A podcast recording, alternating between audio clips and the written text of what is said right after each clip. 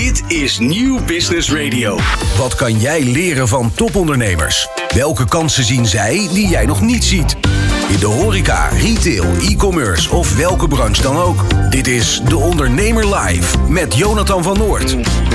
Het is dinsdag 31 oktober, klokslag 11 uur. Dus dat betekent een gloednieuwe aflevering van De Ondernemer Live. Hoofdgast van vandaag is Christina van Spaandonk, CEO van schoenenmerk en familiebedrijf Van Lier. Met haar gaan we het onder meer hebben over leiding geven op jonge leeftijd. Verder hebben we weer een pitch. Dit keer gaan we de grens over naar Mexico. Daarnaast hebben we het over alternatieve financieringsvormen voor het MKB en over investeren in vastgoed. Kortom, een boeiende, maar ook bomvolle uitzending van De Ondernemer Live. Wat kan jij leren van topondernemers? Welke kansen zien zij die jij nog niet ziet? In de horeca, retail, e-commerce of welke branche dan ook. Elke ondernemer kent dezelfde uitdagingen. In de Ondernemer Live hoor je echte ondernemersverhalen. Elke dinsdag tussen 11 en 1 schuiven topondernemers en experts aan bij Jonathan van Noord op Nieuw Business Radio. Live meekijken kan via deondernemer.nl. Maar dan nu eerst het nieuws. Veel bedrijven die worstelen met het verlagen van hun CO2-emissies en het verduurzamen van hun bedrijfsvoering. Vaak lukt dat niet om grote stappen te maken omdat het elektriciteitsnet vol zit. Uit onderzoek dat gisteren werd gepresenteerd blijkt dat de oplossing voor deze problemen kan zitten in zogeheten energiehubs. Bedrijven werken dan veel beter samen door processen onderling af te stemmen en energie direct uit te wisselen. Daarover spreek ik met Olof van der Gaag, voorzitter van de Nederlandse Vereniging Duurzame Energie. Olof, welkom. Goedemorgen.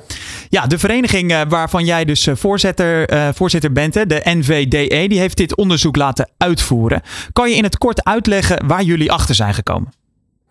Ja, zeker. dank voor de uitnodiging. Wij hebben onderzoek gedaan naar de vraag hoeveel kunnen bedrijventerreinen nou winnen in de energietransitie door goed samen te werken. En we noemen dat dan energiehubs. En die samenwerking, dat betekent bijvoorbeeld dat je samen met je buren gebruik maakt van één elektriciteitskabel. Zodat als jij voor je machines overdag stroom nodig hebt en je buurman uh, s'nachts een elektrische vrachtwagens wil opladen, je niet twee keer een kabel hoeft neer te leggen en dus ook niet twee keer een kabel hoeft te betalen, maar samen één kabel deelt. Uh, dus we hebben gevraagd wat is nou de opbrengst daarvan voor de energietransitie. En de conclusie is dat we op die manier in Nederland zo'n 3 tot 4 procent van alle CO2-uitstoot uh, kunnen besparen. En ook voor die ondernemers ervoor kunnen zorgen dat zij veel sneller gebruik kunnen maken van het elektriciteitsnet. De, de wachttijden voor, uh, voor het elektriciteitsnet zijn natuurlijk een veel besproken probleem. En dat los je hiermee ook op. Dus je bespaart heel veel CO2, maar uiteindelijk help je die ondernemers ook gewoon weer vooruit. Ja, zeker. Want dat is een probleem wat uh, bij de Ondernemer Live al meerdere keren is aangestipt. Dat uh, ondernemers vaak wel willen verduurzamen. Hè. Denk aan zonnepanelen. Maar dat het net het dan gewoon niet, uh, gewoon niet aan kan. Um, kan je een beetje een, een, een situatieschets maken van waar ondernemers nu tegenaan lopen als ze willen verduurzamen? Ja, de hele belangrijke vraag is dus, krijg ik een elektriciteitskabel? Als je dus bijvoorbeeld op elektrische vrachtwagens wil overstappen of als je met uh, de verwarming van je gebouw over wil stappen op een warmtepomp en je cv-ketel wil vervangen, dan heb je altijd een sterkere elektriciteitskabel nodig. Dus nou, daar hadden we het uh, net al over. Een andere belangrijke vraag is natuurlijk hoe krijg ik het allemaal gefinancierd? Hoe zorg ik dat het betaalbaar wordt? En uh, te veel ondernemers merken nog dat het eigenlijk financieel soms wordt tegengewerkt om voor dit soort oplossingen te kiezen. Uh, dus dat is ook iets waarvan we zeggen, dat moet je echt oplossen. Je moet zorgen dat het voor die ondernemers op het bedrijventerrein uh, rendabel is. En ook dat er geen uh, hinderlijke regeltjes in de weg zitten. want eigenlijk is dit denk ik gewoon de kant waar we op moeten gaan. De, de, ondernemers hebben er zin in, de netbeheerders zeggen dit helpt. dus we moeten gewoon zorgen dat het rendabel is en dat er geen bureaucratie in de weg staat. En uh, je, je, hebt het net al een, beetje geschetst, maar hoe werkt zo'n zo'n hub? Als er nu ondernemers luisteren die uh, op een bedrijventerrein aan het werk zijn, waar dus problemen zijn met die netcongestie, hoe kan dit dan een oplossing bieden? Ja, aan de ene kant kan dat dus door te zorgen dat je samen je stroom op elkaar afstemt. En dat je dus gebruik maakt van één, één elektriciteitskabel. Dat, dat kan bijvoorbeeld door een groepscontract te sluiten. Nu sluit je als individuele ondernemer een contract met de netbeheerder. Maar wij pleiten ervoor dat je ook een groepscontract kunt sluiten. En dan kunnen de pieken en de dalen tegen elkaar worden weggestreept. En is het voor het collectief goedkoper. Een andere kant is ook het combineren van opwekking en verbruik van energie. Dat zijn soms nu nog gescheiden werelden. Maar uh, bijvoorbeeld uh, ontwikkelaars van, uh, van zonneprojecten of van windprojecten, die hebben eigenlijk dezelfde problemen. Die kunnen soms ook het elektriciteitsnet niet op. Dus wij zeggen ook probeer opwek en vraag van energie zoveel mogelijk op één plek te combineren. Want als je het op dezelfde plek uh, consumeert als waar je het opwekt, dan hoef je het ook niet te transporteren. Dus net als wanneer je een bramenstruik in je tuin hebt staan. Ja, als je die bramen gewoon zelf opeet, dan hoef je ze niet te, te verplaatsen. En zo werkt het met energie eigenlijk ook. Dus wij zien zo'n energiehub ook als een combinatie van vraag en aanbod van energie, waardoor je dus ook weer dat transport vermijdt. En hoeveel partijen werken er dan samen in zo'n hub?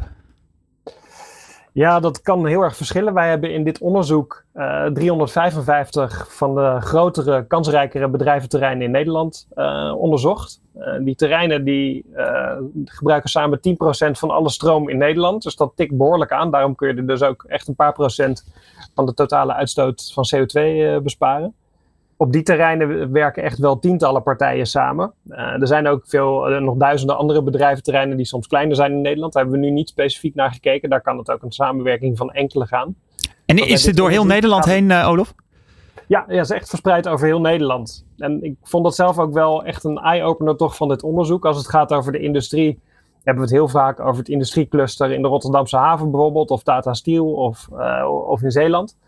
Eh, maar eigenlijk verspreid over Nederland hebben we heel veel kleinere industrieclusters die samen echt hartstikke groot zijn. En ik denk dat, dat die bedrijventerreinen dus ook veel meer aandacht verdienen van uh, beleidsmakers. Om te zorgen dat het daar gewoon uh, op rolletjes gaat lopen.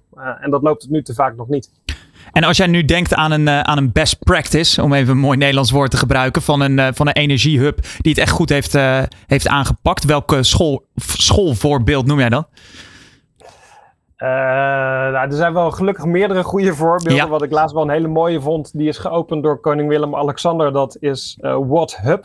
Uh, dat is een project van zonne- en windenergie, gerund door een energiecoöperatie. Dus dat vind ik er extra charmant van. En die hebben nu snellaadpleinen voor vrachtwagens en bouwmateriaal tot stand gebracht. Waarbij ze dus de stroom uit die windmolens en die zonnepanelen gebruiken om zwaar vrachtverkeer ja, van schone stroom te voorzien. En waarom dat ook nog eens zo mooi is, is dat je met dat uh, zware bouwmaterieel uh, projecten kunt bouwen zonder stikstof uit te stoten. Want dat is een ander obstakel waar veel ondernemers ook in de verduurzaming nu op vastlopen. Uh, dat je stikstof uitstoot tijdens de bouw van een duurzaam energieproject. Is nu vaak een reden dat het project vertraagt of zelfs mogelijk moet worden gecanceld. Ja, wat ik zo leuk van dit project vind, is dus dat ze eigenlijk ook zorgen dat de bouw weer door kan gaan en dat die stikstofvrij plaatsvindt. dus dat is een mooi voorbeeld in de, in de Betuwe-hoek. Een, uh, staat genoteerd, uh, Olof. Dan ben ik toch wel benieuwd. Hè? Ondernemers die luisteren, die denken gelijk: wat kost dat nou? Zo'n energiehub. Ja, nou ja, de, de investeringen in de, de, grote investeringen die zitten in de zonnepanelen zelf, of de warmtepomp, of de, een elektrisch wagenpark met snellaadpunten. dat gaat over tientallen, soms zelfs honderden miljoenen euro's.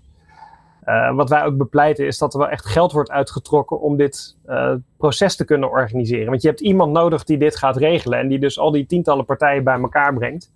En het goede nieuws is wel dat uh, minister Jette heeft besloten om daar 166 miljoen euro voor uit te trekken.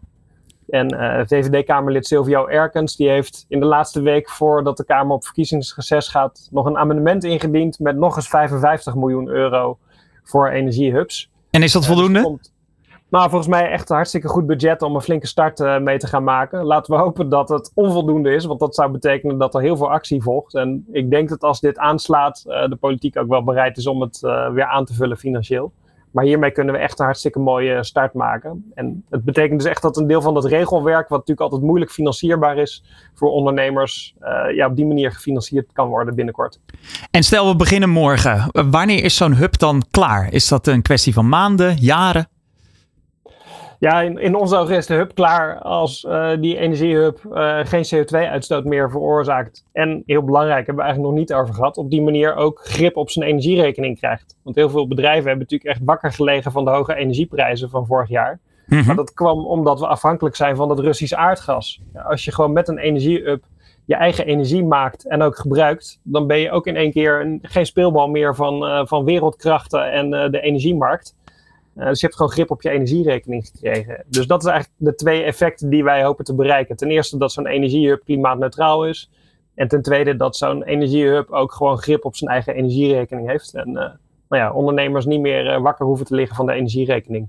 En dan heb je het over hoe lang ongeveer?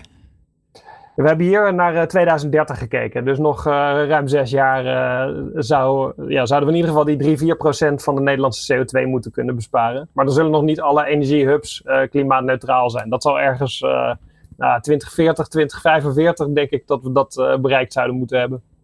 Ja, uh, jullie hebben dus gisteren deze uh, resultaten uit het onderzoek uh, gepresenteerd.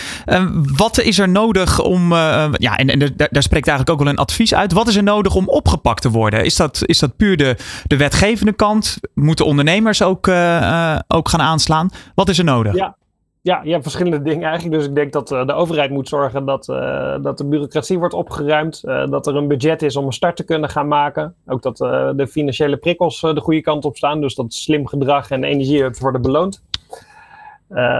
wat het wel van die bedrijventerreinen zelf vraagt, is om ook die handschoen op te pakken en te investeren in samenwerking. En dus samen met je buren te gaan kijken naar je energievoorziening. En ook daarbij zo snel mogelijk uh, de samenwerking met netbeheerders op te zoeken. Want ja, het meest dringende knelpunt is toch vaak dat elektriciteitsnet. Dus zorg alsjeblieft als ondernemers dat je ook met die netbeheerder samen kijkt naar een, uh, naar een werkbare oplossing. En, en dan heb je ook nog de lokale overheden nodig. Want als je iets verbouwt in Nederland heb je natuurlijk ook vergunningen nodig. Dus uh, ja, je moet echt ook echt investeren in, in de samenwerking met, met de netbeheerders en met de provincie en de gemeente. Maar dan klinkt dat voor mij ook nog wel dat het best lastig is om dit op te pakken. Of zie ik dat verkeerd? Nou, het is echt werk. Dat is echt, moeten we niet onderschatten. Als het makkelijk was, was het natuurlijk al lang gedaan. Uh, dus dit is echt werk. En, en daarom denk ik ook dus dat het zo goed is dat de overheid hier geld voor uittrekt. Om te zorgen dat dat werk ook gewoon uh, betaald kan worden. Maar ja, het is echt wel, het zal echt ploeteren zijn. Maar ja, als je er eenmaal doorheen bent, dan zijn het wel inspirerende voorbeelden. Waar je echt, uh, ja, echt een grote stap de toekomst in zet. Werk aan de winkel dus. Hartelijk dank, Olaf van der Gaag van de NVDE. Elke dinsdag een andere inspirerende ondernemer te gast tijdens De Ondernemer Live. Van 11 tot 1 live op Nieuw Business Radio. Sinds 1815 maakt Van Lier uit het Brabantse, van loon, uh, zo, Brabantse loon op zand al schoenen. Aan het roer staat een dame van slechts 26, CEO Christina van Spaandonk. Hoe is het om op jonge leeftijd leiding te geven aan een familiebedrijf? En wat doet en kan zij beter dan de oude generatie? Daar gaan we vandaag achter komen, want Christina is bij ons te, bij ons te gast. Welkom. Dankjewel. Ja, sinds begin van dit jaar ben je CEO. Hoe vind je het? Ja, hoe vind ik het? Het is leuk uitdagend. Het is um, op sommige dagen zwaarder dan andere en op sommige dagen heel leuk en heel, ja, geeft echt energie. Um, maar op jonge leeftijd merk je wel dat je toch wel heel weinig weet van echt CEO zijn. En dus het is echt een heel zware leercurve naar boven. Maar je merkt wel gewoon dat het uh, aan alle kanten, als het lukt, dat, uh, dat je dan echt, echt heel goed bij voelt. Dus. Ja, want wat zijn dan die dagen dat jij denkt van, uh, hier heb ik het voor gedaan?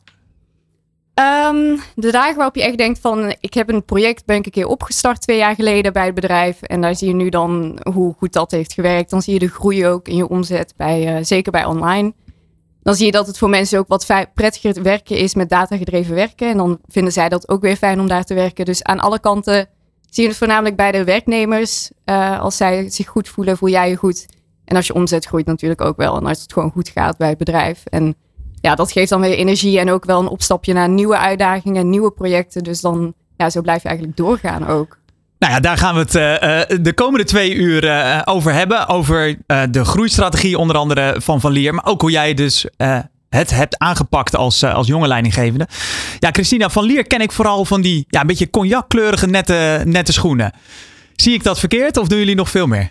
We doen echt heel veel meer. Um, we, we, hebben eigenlijk een heel breed scala aan schoenen. Daarbij uh, komen cognacveterschoenen wel echt aan de pas. Uh, ook wat cognac, hoe noem je dat ook weer? Gespschoenen, uh, zwarte schoenen, echt die nette schoenen. Maar ja.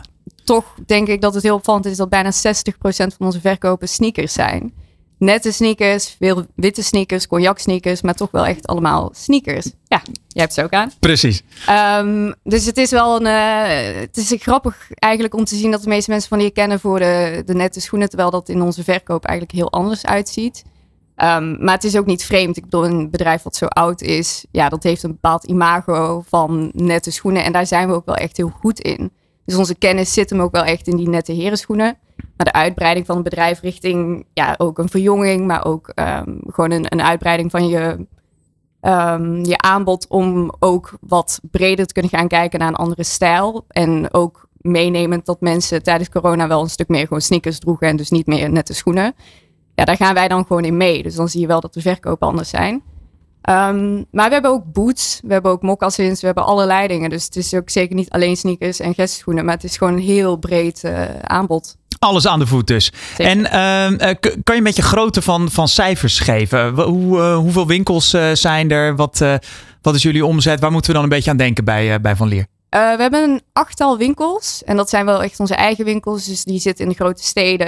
De meeste zijn wel concept stores, als je het zo kan noemen. Dus wel een mooie fysieke representatie van het merk. Ehm, daarnaast zitten we dan ook bij wholesale klanten. Dus we zijn wel echt een omni- omni-channel bedrijf. Ehm, dus bij wholesale klanten en dan bij wel de grotere wholesale klanten. En dan zie je, denk ik, van hier in een 300-tal winkels terug. Ehm, en daarnaast hebben we dan onze eigen webshop. eh, zitten we op partnerkanalen zoals Zalando, About You. Dus het is, van hier is wel echt overal te vinden. Ehm, qua omzet vorig jaar zaten we op een, eh, vorig jaar, fiscaal jaar dan op een eh 13,5 miljoen. Dat zijn eh, eh, behoorlijke, behoorlijke aantallen. Als je dan ziet waar, waar jullie allemaal te zien zijn. eh, wat, wat de omzet is. Ik vond het ook nog wel een opvallend feitje. Wat ik, wat ik las ter voorbereiding. Een naamsbekendheid van 50%. Daar mag je denk ik best wel trots op zijn. Ja, daar zijn we ook trots op. Ik denk dat dat me ook wel verbaasde hoeveel mensen van hier kennen. En ook de market saturation. Want toen vroegen van, van De wat? 50, de market saturation. Ja, wat is dat? Ehm, hoe veel mensen dragen van Liers in Ja. Nederland. Dus onder de doelgroep was dat voor ons dan wel eh 50% kennen het. Maar 50% van die 50% had dan ook van Liers schoenen. En ook een keer gekocht. Dus het is ook wel dat er gewoon best wel een, sterke marktpenetratie, als je het zo kan noemen. Dus men draagt gewoon van Liers schoenen. En op die, in die zin zijn we ook wel overal te zien. Dus van Lier is ook wel gewoon een, een bekend merk. Buiten dat het ja, een, groot merk is en dat we goed eh, groeien op dit moment. Is het ook gewoon een, merk met een heel, ja, eigenlijk een historie die heel dicht bij huis zit, die echt in Nederland zit. Dat maakt het ook wel een speciaal merk. Dat zie je niet zomaar een bedrijf van 200 jaar dat nog nu staat en nu zit te innoveren en een 26-jarige CEO heeft. Dus het is ja, toch wel een speciaal, eh, speciaal merk waar ik ook een band mee heb. Kan je dat beeld ook even schetsen? Want jouw vader was eh, eh, eh, ja, de, de, vorige leidinggevende. In, in de jaren negentig het, het bedrijf gekocht, als ik me niet, niet vergis. Daarvoor dus vanaf 1815 eh, eh, actief. Hoe, hoe ziet dat pad eruit naar dat, dat jij ook in beeld kwam? Ehm, een heel lang pad voordat ik in beeld kwam natuurlijk. Het was opgezet als eh, schoenenwinkel destijds in eh, 1815. Ehm, opgezet door de familie van Lier en die heeft het ook in handen gehad tot 1991. Alleen zij hadden tegen 1991 geen bedrijfsopvolging. Eh, en daar kwam eigenlijk mijn vader eh, in de picture. Dus die vroeg van, eh, ja, heb je, zijn jullie bezig met wat met Van Lier? Wat ga je ermee doen? En zij zocht eigenlijk gewoon opvolging. En zo heeft mijn vader eigenlijk het bedrijf gewoon gekocht. voor 10 miljoen gulden. Allemaal bij elkaar gesprokkeld. Zijn auto nog verkocht. Al die dingen. Dus hij wou het bedrijf gewoon heel graag hebben. Ehm, en zodoende heeft hij het eigenlijk op zijn 31ste al gekocht eh, destijds. En heeft daarmee eh, het, van een schoenenwinkel eigenlijk... met wat schoenenfabrieken naar echt een merk gebracht. En eh, dat zie je nu wel terug in... ja, dan toch wel een 30 jaar later of 25 jaar later dat het een merk is geworden en niet echt nog een, een schoenenwinkel of schoenenfabriek. Ehm, en het heeft ook heel veel doorgemaakt in de tijd dat Geert het heeft gehad. Dus dat is, Geert is mijn vader ja, trouwens. precies. Ehm, hij heeft het eigenlijk van eh, een schoenenfabriek destijds. Dan eh, zijn ze met wholesale, waren ze dan heel groot. Ehm, en toen zijn ze ook winkels gaan openen. En dan zag je wel echt een groei in die winkels en een, heel, uh, of een hele offline presence. En ik denk op het hoogtepunt dat we 15 winkels hadden. Um, en langzamerhand ging de trend dan naar online. En dat, dat zijn we dan ook gaan doen. Dus in 2012 al hadden we dan een online winkel gestart. En dat zijn we eigenlijk gaan doorzetten naar dan ook andere online kanalen. Een outletkanaal. En tijdens corona was dat dan ook wel het, het gedeelte wat het bedrijf echt recht hield. Um, en zagen we ook wel wat wij er allemaal mee konden doen. En zodoende zijn we eigenlijk online zo zwaar gaan groeien dat dat nu een 50% van onze omzet is. En daar kwam jij ook uh, om de hoek kijken? Ja, nou drie jaar geleden ging ik me er eigenlijk al mee bemoeien. Toen ben ik het bedrijf ingestapt uh, met het idee van ik ga hier uh, zes maanden even rondkijken en snappen hoe het hier gaat. Want het bedrijf van je vader, dat neem je ooit een keer over. Maar dat was destijds niet de planning. Maar um, dat, dat stond wel al vast, dat, dat je het ooit over zal nemen? Of? Nou, uiteindelijk omdat het 100% eigendom was van mijn vader, tot de aandelenverkoop natuurlijk, ehm, ja, weet je dat je uiteindelijk wel iets mee te maken gaat hebben als er iets gebeurt. Ik heb nog een zus en een broer, dus ja, je moet er ooit wel een keer iets mee gaan doen. Je kan niet doen alsof het er niet is. Ehm, en dan wil je het liefst ook weten wat er allemaal gaande is. En ik dacht, ik ga even zes maanden gewoon snappen hoe dat bedrijf in elkaar steekt. Dus en of je er dan überhaupt wat mee, doen, dat, uh, mee wil doen, dat bepaal je dan als je daar even hebt gekeken. Of stond het nou, al vast dat je überhaupt wel wat... Ik ga er niet in. Dus ik nee, zei destijds al, ik ga weg. Uh, ik wou naar Japan, ik wou robots gaan bouwen. Maar dat, uh, dat is hem allemaal niet uh, geworden tijdens corona. Want je kon niet naar Japan. Dat was eigenlijk al de eerste limiting factor. En jij hebt een achtergrond in? Econometrie. Um, en die achtergrond in econometrie, daar wou ik eigenlijk robots mee gaan bouwen en AI ingaan en dat hele traject gaan volgen. Um, maar uiteindelijk kon ik eigenlijk zien dat we binnen Van Lier ook heel veel met data konden doen. En ik mijn kennis van econometrie kon gaan toepassen in het bedrijf. En toen ben ik me gaan bemoeien met uh, Google Ads. Uh, toen zijn we Meta gaan doen, dus Meta Ads ook gaan doen. Um, toen de, de data-analyse dus van de customers, toen de schoenen gaan analyseren. Toen de inkoop gaan aanpassen op de verkopen. En zodoende eigenlijk een, een ja, eigenlijk dat we elke week konden sturen op verkoop om dan ook je, je inkoop te veranderen, maar ook je stockmanagement op alle manieren. Dus eigenlijk al je data gaan gebruiken om het bedrijf efficiënter te maken. dat heb ik eigenlijk drie jaar lang nu bij Van hier gedaan. En dat zie je ook wel dat dat echt goed werkt. Want onze hele inkoopstructuur is veranderd. Dat was vroeger twee keer per jaar. één keer in de zomer, één keer in de winter kocht je schoenen in. En nu kopen we denk ik maandelijks schoenen in en schuiven het even op en uh, schuiven het terug om gewoon ja, echt aan de demand te voldoen. Maar daar gaan we het straks over hebben. Nog even over uh, dat, dat persoonlijke, want daar ben ik zo benieuwd naar. Je, hebt, mhm. je zei het al, uh, vanuit een, een, een, nest van drie. Was er strijd tussen de kinderen wie, wie, wie, deze handschoen zou oppakken? Of? Um, ja, nee geen strijd. Uh, wel allemaal gedacht van, willen we dit doen? En mijn zus die uh, zit in Berlijn, die werkt bij Zalando en daar is ze echt heel happy. Heeft ook een vriend daar in Duitsland, dus die zou niet, uh, niet zo snel terug willen komen. Wel vindt ze het bedrijf heel leuk, maar zij zit daar goed. en mijn broertje, die is nog maar 19. Dus die is nu ook econometrie gaan studeren en economie. Dus een soort van double bachelor. Maar die is nog lang niet klaar met studeren. Dus die zat er ook niet voor te wachten of op te wachten. Dus um, uiteindelijk is het mij geworden. En het is ook niet dat ik het moest doen. Mijn vader heeft ook altijd gezegd: je, het is je eigen keuze. Je kan kijken of je wat anders wil gaan doen. We zoeken heus wel een andere CEO als je het niet wil doen. Maar ik vond de uitdaging dan ook wel echt heel leuk om het gewoon te gaan doen. Om te denken van. Je kan daar dan ook wel een bedrijf neerzetten waar je trots op bent. Waar je ook je eigen kennis in kan implementeren. En het verschil ook heel snel ziet. Dat vond ik dan ook gewoon echt heel leuk om te doen. Niet getwijfeld? Nee, ik heb er ook maar drie dagen over gedaan om erover na te denken. Dus uh, niet echt getwijfeld. Uh, en dan gewoon gedacht, nou, als ik zeg dat ik het ga doen, dan uh, ga ik er ook wat van maken.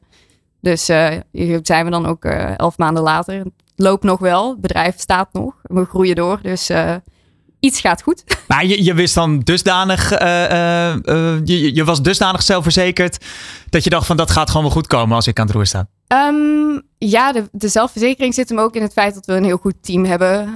Um, ik doe het zeker niet alleen. Ik heb heel veel ideeën, maar die kunnen we ook uh, altijd bespreken. En dan krijg ik ook wat uh, ja, constructive criticism op van heb je hierover nagedacht, hierover nagedacht. Dus ik doe het ook zeker niet alleen. En ik denk dat daar ook wel mijn, uh, ja, daar voel ik een bepaalde zekerheid bij dat het dan goed gaat. Want ik heb een heel team met mijn vader erbij. Met een heel sterke directie van de vorige CEO en de vorige CFO. En een goed managementteam waar eh, sommigen al 15 jaar in het bedrijf zitten. Dus uh, het is ook wel echt een, uh, teamwork. Dus het is niet een one-man band uh, genaamd Christina. Welk advies gaf je vader je eigenlijk mee? Um, om eigenlijk altijd te doen waar ik blij van werd. Of blij van word. en dat is het advies wat hij me blijft geven. Doe niet iets waar jij niet gelukkig van wordt. En blijf wel altijd opzoeken waar jij gelukkig van wordt. Het werk doen waar jij gelukkig van wordt en waar je goed in bent.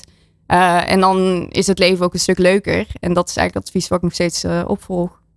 En toen jij daar dus uh, uh, drie jaar geleden uh, aankwam, we gaan er dus straks nog, dus nog wat dieper op in. Maar wat, wat, wat trof je aan in het, in het bedrijf? Um, heel veel informatie en heel veel data waar niet heel veel mee werd gedaan. en wel een heel structureel goed team, wat wel zich inzette op een online omgeving, maar nog niet de kennis had om daar echt heel veel mee te doen. Um, het, het, ging wat langzamer destijds. We waren net in die transitie van online of van winkels naar de online focus. Ook nog ehm, corona dan denk ik. Ook uh, nog corona. Uh, dus dat ging ook heel snel. Um, en ik kon daar wel in bijbenen, dus dat helpte wel. Om gewoon alle dashboards te maken en meteen de informatie te verwerken. Dus je gewoon een stuk sneller kon handelen. Ehm, en wel heel gemotiveerde mensen die ook wel echt mee wilden in die transitie. Dus dat uh, hielp wel met de hele movement naar online. En heb je nooit het idee gehad dat je een beetje met de nek werd aangekeken? Van ah, dan komt het uh, dochtertje van de baas uh, het even uitleggen? Maybe sometimes. I wouldn't say never. maar de meesten hadden er ook wel respect voor. En met de meesten kan ik ook wel heel goed samenwerken. Want ik ben ook zeker niet iemand die niet luistert of die denkt dat het allemaal beter weet. Dus in principe is het wel een teamwork in die zin dat je dan ook het idee hebt van ik luister mee. Um, en als ik iets niet weet, dan ga ik het ook niet verzinnen. Dan zeg ik gewoon, dan, uh, ik ga nu vandaag luisteren en dan uh, I will make up my mind at some point. Maar um, in die zin is het wel fijn samenwerken. Maar ik ben zeker dat sommige mensen dat denken. Dat betwijfel ik niet. En daarover gesproken samenwerken. Heb je bijvoorbeeld een, een coach of een mentor? Of is je vader dat misschien wel? Meerdere. Ja. Um, ik heb uh, coaching wat betreft mijn persoonlijke um, ja, movement of mijn persoonlijke development. Uh, ik heb coaching in de schoenenindustrie, dus uh, een ervaren schoenenman ook. coaching vanuit de vorige CEO. Mijn vader coacht me ook voor een gedeelte. en ik heb ook heel veel mensen die ik gewoon heb gesproken, ontmoet via LinkedIn en dergelijke, sinds dat ik dit traject ben ingegaan. Die mij ook gewoon advies geven. Power women die me ook gewoon kunnen verder helpen. Die wat ideeën geven. Die ook ja, mensen voorstellen. Als ik denk van, oh, we hebben misschien iemand nodig die ook een keer mensen voorstellen. Dus ja, in die zin is het wel echt een, uh, voor mij ook een hele horizon die uh, heel breed is, waar je ook heel veel mensen kan ontmoeten. Dus het stopt niet bij de coaching die ik nu heb gevonden, maar ik heb wel uh, echt wel wat advies gekregen. Klinkt ook wel alsof je de gunfactor aan broek hebt hangen. Klein beetje wel. Ja, ik denk het. Ik bedoel, ik, ik sta er ook wel heel uh, positief in. Uh, ik ben heel ambitieus, maar ik ben niet uh, overconfident. Dus ik denk ook wel dat ik daar, daarin ook wel dat mensen snappen van ik wil dit heel graag doen, maar ik heb zeker niet de kennis. En dat helpt dan ook wel met ja, een bepaalde gunfactor, als je het zo kan zeggen. Straks praten we verder met Christina van Spaandonk over de uitdagingen in de retail, over datagedreven werken en AI. De pitch. Ben jij degene met een briljant idee en ben je op zoek naar funding of een investeerder? Dit is De Ondernemer Pitch. Maak jouw plan wereldkundig binnen één minuut. En dan gaan we nu door naar de pitch. Wekelijks krijgt een ondernemer met een hemelbestormend idee die op zoek is naar funding de kans om zijn bedrijf en zichzelf onder de aandacht te trekken. Er is alleen één regel: deze pitch mag maar één minuut duren. Normaal hebben we dan één ondernemer, maar dit keer zijn het er twee. Iris Selmans en Ambre van den Berg hebben jouw hulp nodig voor hun Mexicaanse droom. Ambre en Iris in één minuut, the floor is yours. De pitch. Ben jij degene met een briljant idee en ben je op zoek naar funding of een investeerder? Dit is de ondernemer Pitch. Maak jouw plan wereldkundig binnen één minuut. Wij zijn Ambre en Iris uh, van Lala Tequila. Het allereerste Nederlandse en female-founded tequila merk. Uh, wij hebben een 100% agave tequila, waaronder een blanco en een reposado. En dat is nog niet alles, want wij hebben onlangs ook onze allereerste Paloma in blik gelanceerd in Nederland. Deze. Uh, en wij zijn nu 2,5 jaar actief. En gedurende die periode hebben we consistent groei laten zien in zowel omzet, volume als distributie. En um, wij maken een verschil door onze unieke en moderne branding. En uh, dit komt onder andere door onze samenwerking met Mexicaanse fotografen in uh, Mexico City. Ja, we zijn eigenlijk live nu in tien landen in Europa. En ons doel is om Europa's favoriete tequila-merk te worden. We hebben een hele toffe samenwerking met Heineken in Slowakije. En de grote distributeurs in Nederland en de UK. En um, ja, we zijn vier ton aan het ophalen. En we zitten op volgens mij 68 procent. Dus we moeten nog een klein beetje. Dus het zou tof zijn uh, als iemand dit hoort om aan boord te springen. En uh, deel uit te maken van Nederlands eerste female-owned tequila-merk. Ja, volgens mij, uh, kijk oh. eens, precies binnen de tijd. Ja, yeah, score. Hartstikke goed. Ja, dus uh, aanwezig uh, Iris en Ambre van Lala Tequila. Ja. Dan ben ik eigenlijk wel, wel benieuwd, Ambre. Hoe zijn jullie op het idee gekomen om zelf tequila te gaan maken? Ja, dat is een hele goeie. Um, ik heb heel lang in Aruba gewoond, aan de Caribische kant van de wereld, zeg maar. En daar wordt toch wel meer cocktails gedronken en veel kwaliteit. Je ziet er veel rum en veel tequila. En ik was een yoga docent en daarvoor was ik veel in Mexico. Um, en een beetje geïnspireerd geraakt hoe ze daar eigenlijk de agaves, waarvan het gemaakt wordt, hoe ze daarmee omgaan. Een soort cactus is dat, hè? Ja, klopt. Hoe ze daarmee omgaan en hoe ze die, die, die drank drinken, terwijl wij in Nederland dat echt heel anders doen. was ik uiteindelijk voor mijn werk naar New York. En daar heb ik Iris leren kennen die daar was. Ehm, en in New York heb je natuurlijk de cocktail scene en de drankenwereld is daar next level. En je ziet eigenlijk overal margarita's. Dus um, ja, in de bruine cafés, in de kroegen, tot in de high-end uh, ja, rooftop bars als het ware. En de margarita is een tequila cocktail, hè? Klopt, dat is een tequila cocktail, uh, mijn lievelings. En die hebben we ook uh, veel gedronken samen in, in New York. Maar toen kwamen we eigenlijk net voor COVID-periode terug in Nederland. En toen zag ik dat iedereen hier nog ja, rode hoedjes tequila dronk, zeg maar. Of de shots, weet je in de club en de kroeg. Met zout en, ja. uh, en citroen. Ja, echt en heel toen dacht jij... Dit, dit gaan we anders doen. Dus uh, ik en Ier samen um, ja, eigenlijk het, uh, het opgezet met het idee van... Oké, okay, weet je, we zien hier iets in. We kunnen mensen iets uitleggen en iets over leren. Um, en dat begon, daar hebben we een jaar lang eigenlijk over gedaan... om echt het recept samen te stellen. Veel in Mexico geweest om onderzoek ernaar te doen. En in augustus 21 zijn we live gegaan. En dat ging als een, als een speer. Ja, Iris, uh, daaruit blijkt dat tequila populair is in, uh, in Nederland. We kennen het, ja, hoe ik het net al oneerbiedig omschreven, van dat zoutlikken, citroen, citroenhappen. Um, en dat staat eigenlijk in schril contrast met hoe het gemaakt wordt. Ik heb me wel eens laten vertellen dat, dat het echt een ambacht is, tequila maken. Klopt dat? Ja, zeker.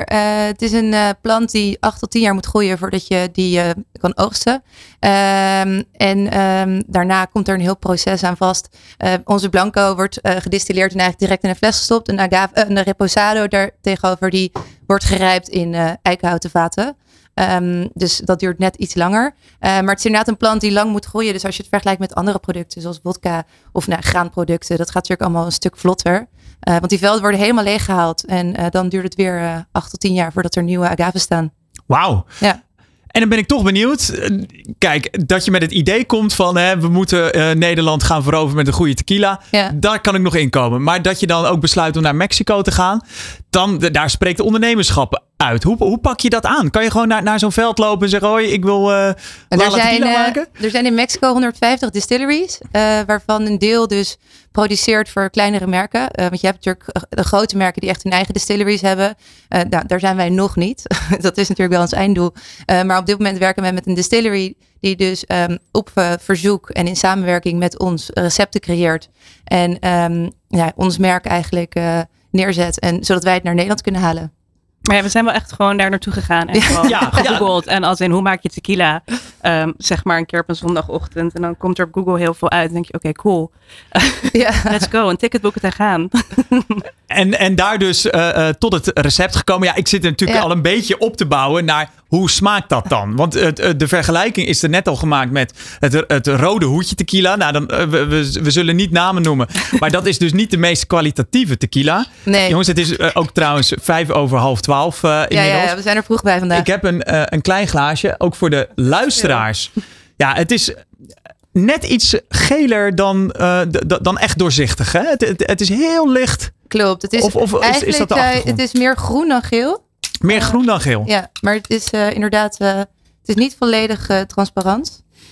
Um, en het ruikt ook heel zacht. Oh, gelukkig. Ik dacht dat je iets anders Ja, nee, in, in, vergelijking met, met de normale tequila. Ja, zeker het gebied waar het vandaan komt, is het, is het wat hoger, wat mineraliger. En dat zorgt voor dat de agaves meer water vasthouden, waardoor het wat zachter, wat smooth wordt.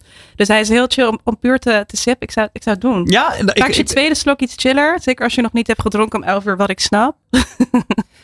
Ik moet wel zeggen dat de meeste Nederlanders gewend zijn aan mixed tequila's. En dit is een 100% agave.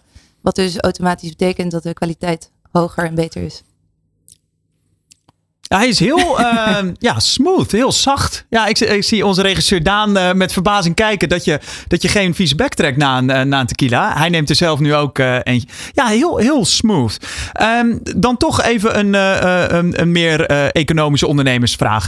Dit is een markt met heel veel grote spelers. Denk ja. aan een, een Diageo bijvoorbeeld, hè, met een, een miljarden omzet, dat, dat drankenmerk. Ja. Hoe moeilijk is het om als, als klein merk Iris je in te vechten in zo'n uh, in zo'n markt? Nee, wel grappig dat je Diageo aanhaalt, want ik denk dat dat ook wel um, uh, een startpunt was voor, uh, de, voor Lala Tequila. want voordat wij zijn begonnen aan dit hele proces, hebben wij natuurlijk ook onderzoek gedaan naar wat zijn focuspunten van bijvoorbeeld een Diageo. En daar zie je ook in hun jaarrekeningen, toekomstplannen, waarin wordt gezegd de meer premium spirits en voornamelijk tequila, dat dat wel echt een focuspunt van hun was, omdat ze ook zagen in Amerika is het al heel groot, de groei zit daar nog steeds echt gigantisch in. En in Europa begint dat nu ook te komen. Uh, dus dat was ook wel voor ons de bevestiging van wat wij hebben gezien in New York door daar een tijd te wonen. Uh, verwachten we ook hier in Nederland en in Europa. Ja, ook, Um, ook veel filmsterren, hè? Die hebben Ja, eh, hun eigen George merk. Clooney Ja. met Casamigos, wat voor 1 miljard is verkocht. Wauw. Eh, ook natuurlijk wel de fabrieken die daaraan ten grondslag liggen. Maar eh desalniettemin, eh, er, zit, eh, er zit veel potentie in. Eh, dus dat was wel een van, van, van, ja, van onze startpunten. En ehm, ja, wat wij nodig hebben hier in Nederland en Europa is... vergeleken dus met dat soort bedrijven die giga veel budget er tegenaan gooien om hun drankmerken waar dan ook eh, beschikbaar te hebben, hebben wij het eh, meer van onze creativiteit, ehm, onze gunfactor, het feit dat wij zelf een heel groot netwerk in hele korte tijd hebben opgebouwd eh, en de juiste partners zoeken in zowel binnen als buitenland. Dus wij hebben distributiepartners die voor ons heel hard aan het werk zijn om La Tequila op de kaart te zetten. En dat werkt tot nu toe zijn vruchten af. Ik vind het lekker. En dat om half twaalf. Dat zegt ook wat over mij. Eh eh, Ambre, kan je vertellen hoe, hoe groot het bedrijf eh, nu is? Um, ja, dat is ja, nog niet groot genoeg, is mijn eerste reactie dan. Maar ik denk dat het een ondernemersdrift is. uh, nou ja, we zijn nu in tien landen, zeg maar, leverbaar. En, en, en daarvan ook uh, meer dan de helft van die landen echt heel actief en, en, en groot. Uh, Nederland is natuurlijk onze, onze homebase. Daar hebben we de meeste uh, zichtbaarheid en het meest gedaan. Natuurlijk ook een beetje op de fiets hier als eerste rondging. En nu mooie strategische partners hier. Um, maar ja, ik denk dat ieder het eigenlijk wat meer beter in nummers kan onderbouwen. Ja, over hoeveel flessen hebben we het bijvoorbeeld? Omdat je er dus net al aangaf, het duurt hartstikke lang om dit te maken. Kan ik me ook Ja. voorstellen van, nou ja, dat, dat groei daar moeilijker is bijvoorbeeld. Ja, wij zijn gestart met een eerste bestelling van eh 6000 flessen. En toen hebben we nog gevraagd, kunnen jullie dit alsjeblieft opsplitsen in twee leveringen? Want we kunnen dit niet in één keer financieren. Eh, en dat vond onze distillery in eerste instantie eh, eh, lastig. Want zij produceren eigenlijk alleen maar voor de Amerikaanse markt. En eh, minimum order quantity was 30.000 flessen. Wij zeiden nou, eh, daar zijn we in Europa nog lang niet. Ehm, dus toen hebben we, eh, nou ja, zijn we overeengekomen dat 6000 dus de start was. En die waren we eigenlijk binnen een half jaar al kwijt. eh, tegen ieders verwachtingen in. Dus dat was voor ons een goede bevestiging dat we op de juiste weg zaten. Ehm, we zijn gestart 2021 en in 2022 hadden we al 15.000 flessen verkocht.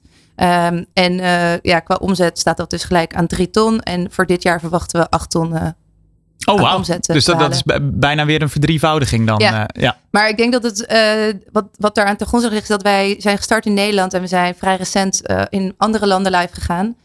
En nou ja, als je al ziet wat de potentie nu is in Nederland, is dat natuurlijk met nieuwe landen die erbij komen veel groter. En richten jullie dan op de B2B-markt? hè? dus een, eh, de, de betere cocktailbar bijvoorbeeld? Of eh, is dit ook wel wat voor, voor consumenten? Nee, het zijn een beetje twee wegen die we eigenlijk behandelen. Met de grote fles zie je dat we echt via de horeca, zeg maar, een B2B eh, zichtbaar zijn. Want daar bouw je echt het merk. Weet je, je hebt mensen, barmensen nodig die jouw merk presenteren. En het, En het omarmen? ja, en het omarmen en het ehm, ja, zorgen dat het op menukaart komt, zodat mensen überhaupt ons kennen. En de cans die we eigenlijk sinds vorig jaar of begin van de zomer hebben. Daar zit dus een cocktail in. Ja, dat klopt. Dat is een Paloma. Daar zit onze Blanco tequila in samen met grapefruit soda. Dat is een van de meest populaire cocktails van het moment. Ik ken hem, ik ken hem. Dat is heel goed. Ja, we zijn de eerste ehm, met een tequila eh, RTD, zoals je dat noemt, een ready-to-drink cocktail. Daar zijn we heel trots op. En dit wordt echt onze consumentenroute die we gaan nemen. Dus we gaan heel veel festivals doen aankomende zomer. Je ziet natuurlijk heel veel op strand-events en gewoon eh, PR-events eigenlijk, waar we dat echt gaan pushen. Dus En liggen jullie al, al, in de winkel dan eh, daarmee? Jazeker, hij is bij Gewoon is die eh, ja, bestelbaar. Cool. Ja.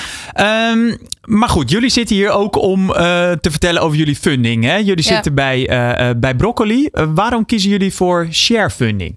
Ja, we hebben toch ook wel gesprekken gevoerd met partijen die dan in hun eentje ons zouden gaan financieren. En eh, voor de fase waarin we nu zitten, toch wel echt een start-up. ehm, vonden ze dat spannend om eh, vijf ton eh, alleen in te leggen. En toen kregen we eigenlijk best wel veel signalen dat ze het wel heel leuk vonden om mee te doen, maar niet voor het gehele bedrag. En toen hebben we bedacht, oké, dan gaan we gewoon een sharefunding doen. En dat was vrij snel succesvol. Want we zitten nu op 66 procent. Van het eh, totaalbedrag waar we naar op zoek zijn. Eh, maar we zijn er dus nog niet. Nee, maar daarvoor zitten jullie ook hier. Daarvoor zitten Ja, ook. Ehm, waarvoor gaan jullie het geld gebruiken? Wat, wat, wat zijn de toekomstplannen? Ja, omdat we dus zoveel landen nu leverbaar eigenlijk zijn, is het belangrijk voor ons dat onze voorraad eh, ehm, dat kan bijhouden als het ware. Dus er zit een deel voorraad in en we hebben grootse ja, marketingplannen uiteraard. Zeker met een merkbouw is het zo belangrijk dat je daar goed ehm, een plan voor hebt. Dus we hebben een mooi strategisch plan voor het binnen- en buitenland. Eh, en daar hebben we geld voor nodig. Nou, dat vind ik toch nog een beetje, be- be- beetje vaag klinken. Kan, kan je dat iets, iets, iets tastbaarder maken dan? Eh, hoe, hoe moet ik dat voor me zien? Uh, ja, ik denk dat de helft van onze funding naar voorraad gaat. Want wij zitten natuurlijk met een product wat uit Mexico moet komen. Uh, wat uh, nou ja, daar al in etappes betaald moet worden voordat wij het daadwerkelijk ja. moeten ophalen. Op het moment van ophalen moet het volledig gefinancierd zijn. Waarna het nog op een containerboot deze kant op moet. Dus daar zit gewoon echt een doorlooptijd in die langer is dan bij andere producten. en als we het hebben over marketing, hebben wij ja, per land eigenlijk nu budgetten vrijgemaakt om zowel online als offline um, ja, activaties te kunnen gaan doen.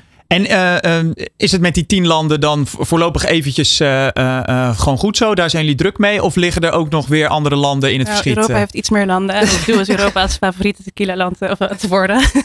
dus nee, we gaan wel verder dan die tien landen. Maar er zitten nog zeker wel wat andere dingen die er aankomen dit jaar. En hoe moeilijk is het om van dat imago af te komen? Hè? Want uh, daar, daar begonnen we eigenlijk, uh, eigenlijk het gesprek mee hè? In, de, uh, in, in de kroeg. Even een tequilaatje tussendoor. Ja. Hoe, hoe, lastig is het om tegen zo'n imago te werken? Ja, lastig. Maar tegelijkertijd hebben we dan wel ook weer het voordeel dat je een categorie vertegenwoordigt met heel veel andere ook grote merken. Die daar ook inmiddels heel veel geld ja, tegen de Diageo-budgetten zijn de stop. Ja. ja, dus jullie liften eigenlijk mee ja. op de Ja, daar liften wij zeker op mee. En het is ook Um, ja, het is gewoon heel erg interessant om te zien dat dat juist een voordeel is. En ook als er weet je, twee meiden um, binnenkomen met een tequila-merk, geeft dat gewoon heel veel vraagtekens. En er is gewoon heel veel nieuwsgierigheid. Dus eigenlijk is het een voordeel dat er nog niet heel veel is, behalve de grote merken. Omdat we zo eigenlijk het verhaal helemaal van scratch kunnen vertellen hoe, hoe Lala Tequila het wil. Ja, dus net met Christina had ik het er al over, uh, de CEO van Van Lier, onze hoofdgast, over de gunfactor. Maar die ja. proef ik dus eigenlijk bij jullie ook wel. Uh... Ja, zeker. Ja, het is uh, afwijkend van de norm. Ik denk ook, uh, we stonden toevallig gisteren nog op een beurs. En dan is het uh, ja, een van de weinige female-founded merken tussen alle merken die er staan. Het is toch wel echt een mannenwereld waarin we ons begeven. En het kan soms een nadeel zijn, maar ik denk dat het in ons geval toch wel een voordeel is. Ja, geen snor, geen sombrero. Dat is nee. allemaal niet aan jullie besteed. Ehm, Amber, om even af te sluiten. Even in de glazen bol kijken. Stel, jullie halen die funding op. Waar staan jullie over een jaar of drie? Um, over een jaar of drie uh, hoop ik dat wij Europa echt wel uh, zeg maar in de schoenen hebben staan en stevig staan. En dan zouden we heel graag een stap naar Australië willen maken, in Canada. En uh, ja, dat we toch wel een mooi groot team hebben. En gewoon... Maar dan hoor ik Amerika er niet tussen. Is dat dan zo lastig? Uh, bewust. Amerika is zoveel. Iedereen wil het altijd maken in Amerika, wat ik snap. Maar we hebben er zelf ook gewoond en ik kan er, we hebben er veel van geleerd. Maar het is, er zit er zoveel concurrentie. Waarom zou ik? Ik wil eerst een soort van, of wij zeg maar, leverage halen bij Europa, Azië, Australië. En dan misschien de overstap maken als we genoeg geld hebben om, echt te beuken daar. Maar je hebt er echt marketingbudgetten nodig die niet, uh, dat kennen wij hier niet. Tof. We houden jullie in de gaten. Investeerders kunnen zich dus melden uh, voor Lala Tequila via broccoli.eu. Wil jij hier volgende week nou zitten? Geef je dan op via deondernemer.nl slash pitch. Je luistert naar De Ondernemer Live. Elke dinsdag live van 11 tot 1 met Jonathan van Noord op Nieuw Business Radio. We praten nog steeds met Christina van Spaanhoek, CEO van schoenenfabrikant Van Lier. Christina, goed dat je er, uh, goed dat je er bent. Ja, we sloten net eigenlijk af met jouw ja, rol als, uh, uh, als CEO. ik was eigenlijk wel benieuwd. Ben je er nooit ja, echt, echt bang voor geweest dat je het niet aan zou kunnen, dat je het niet kon?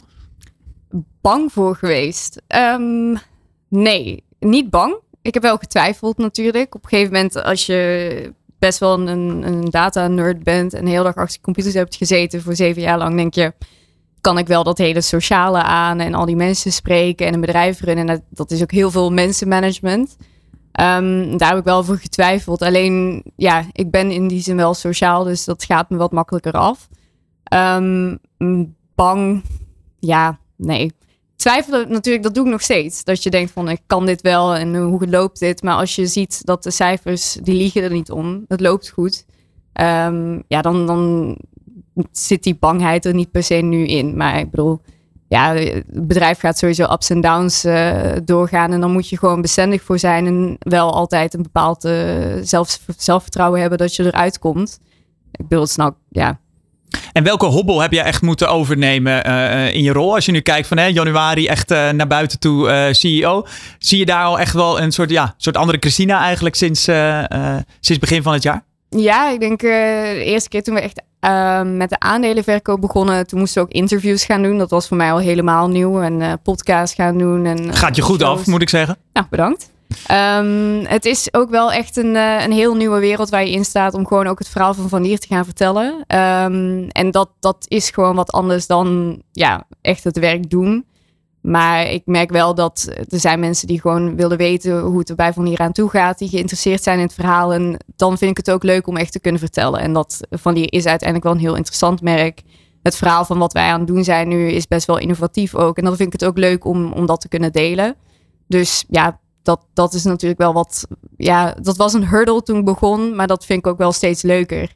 Dus, uh, en als je nu uh, naar je tijdsverdeling kijkt in zo'n week, hoe, hoeveel is het dan echt ja, aan het werk, uh, de, de, de, cijfers in? En hoeveel is dat dan dat verhaal vertellen en die bigger picture eigenlijk van Van Lier?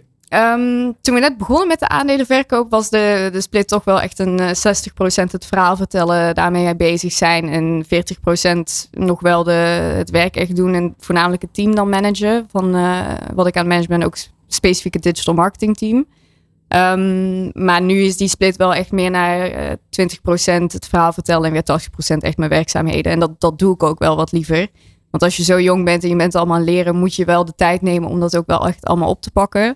En daar ligt mijn focus. Alleen ja, om het bedrijf nog steeds een goed gezicht te geven en om daar het verhaal te vertellen en om er gewoon over te praten, dat, dat vind ik nog wel leuk om te doen. En dat is ook belangrijk, want na de, voor de aandelenverkoop was Van Leer is nog steeds wel een familiebedrijf, maar best wel gesloten. Um, en dat was ook wel een van de insteken om, om te beginnen met zo'n aandelenverkoop. Is ja, want daarover, uh, uh, daarover gesproken, deze zomer hè, kwamen jullie in het, uh, in, in, het nieuws, ook op de ondernemer onder andere, werd heel goed bekeken, dat jullie besloten om aandelen uit te gaan geven bij de N-Exchange. Dat is een particuliere beurs, niet verbonden aan Euronext. En die is bedoeld eigenlijk voor kleine bedrijven om daar aandelen in te kopen. waarom besloten jullie eigenlijk voor die kant? Om ehm, aandelen uit te geven? De aandelen uitgeven, dat, ging, dat was een stuk uh, continuïteit van het bedrijf. Um, Geert wordt ook wat ouder. Uh, die weet niet helemaal wat hij nog met het bedrijf specifiek wil doen in de toekomst. En hij was volledig eigenaar. En het idee was eigenlijk, zet de deur open, gaan kijken wat we kunnen gaan doen met het bedrijf. Uh, ook omdat we heel veel groeiplannen hadden en daar een bepaalde investering voor nodig zouden hebben. Um, en toen zijn we eigenlijk allerlei routes afgegaan. Dus Um, we hebben ook gepraat met private equity, we hebben gepraat met uh, venture capital. We hebben wel geprobeerd om te kijken van wat past er bij ons en hoe wil het bedrijf laten runnen. Um, en uiteindelijk hadden we besloten dat op dit moment we eigenlijk eerder wouden gaan voor een community building. Het bedrijf wat meer een gezicht geven. Zeker met een nieuwe CEO, om dat wat meer naar de, naar de ja, buitenwereld aan te tonen. En de groeiplannen te presenteren. Um, en dan was N-Exchange wel een optie die eigenlijk een beetje op ons pad kwam waar we heel enthousiast van werden. Um, Marleen van N-Exchange, de CEO, die is heel enthousiast ook over Van Lier, maar ook over de, de mogelijkheid om een eh, community te bouwen. Um, en die vonden het natuurlijk ook heel leuk om met Van Lier te gaan samenwerken. En wij vonden dat ook heel leuk met N-Exchange. Dus het was wel echt een partnership uh, waar we beide enthousiast van werden. Um, en voor ons een heel goede manier om onze klanten gewoon te bereiken. Dus we zijn als Van Lier focussen we ons echt op de klant op de consument. Wat willen zij graag van Van Lier zien? Hoe willen zij aangesproken worden? Um, en wij willen een onderdeel maken van onze journey en van onze, ja, wat wij nu aan het doen zijn, onze toekomstplannen. Um, en dan was N-Exchange gewoon wel een, een leuke manier om mede-eigenaren te werven. Ja, wij, hebben hier uh, regelmatig uh, uh, bedrijven zitten, zoals de dames hier, die bijvoorbeeld de vorige dames tijdens de pitch, die bijvoorbeeld dan sharefunding, een sharefunding campagne beginnen, crowdfunding. Waarom dan toch deze, de, deze vorm van aandelen uitgifte?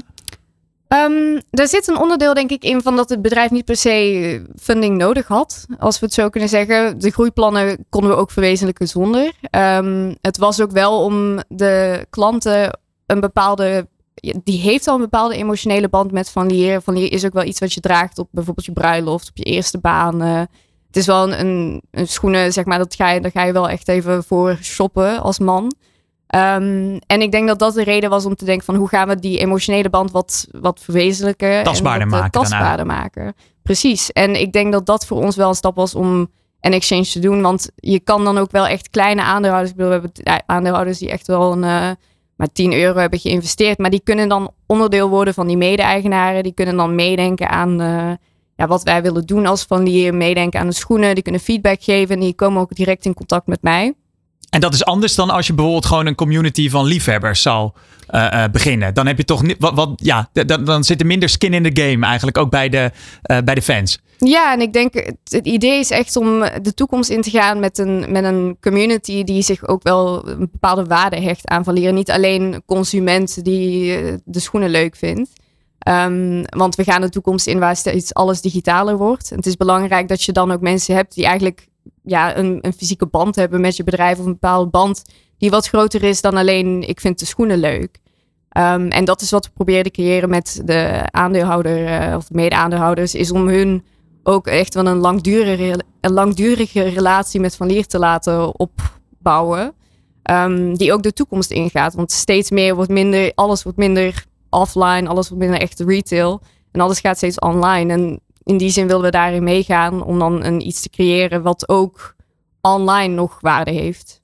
Maar ik vind een community altijd een beetje, ja, ik, ik, kan er nooit echt zo'n goed beeld bij krijgen wat dat nou precies is. Hoe, hoe, hoe ziet jouw community, die van Leer community er dan uit?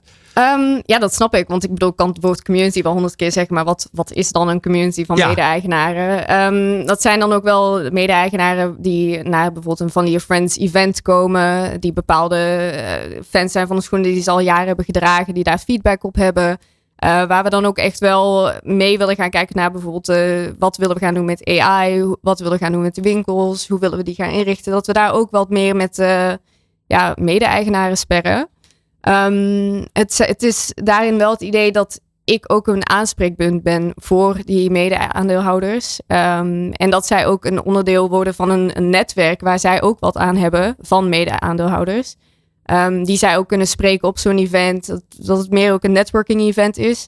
Waarin Van Lier dan een, een, rol speelt in, in die, de community voor hun. Uh, en daar wat uh, ja, body aan geeft. En die events organiseert. En, en dat gesprek ook opent. En voor jou is het dan een soort klankbord eigenlijk. Van dat je ermee kan sparren van wij zitten aan dit en dit te denken. Hoe kijken jullie daar, uh, daarnaar? Precies, het maakt het wat minder een, een familiebedrijf van ik en mijn vader. En wij zitten daar met z'n tweeën het hele bedrijf te runnen. Dat zet het bedrijf open en dat laat ook zien dat het bedrijf van Lier niet een familiebedrijf is wat ja, klein denkt, maar eerder wat echt uh, met de klant een band wil opbouwen.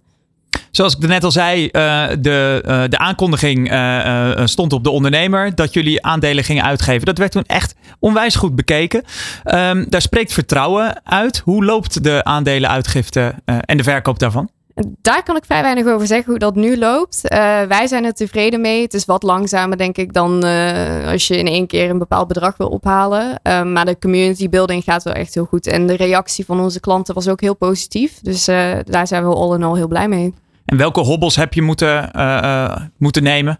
Wat, um, wat, wat, is er lastig als je zegt van nou, wij, wij willen de N-exchange op? Wat...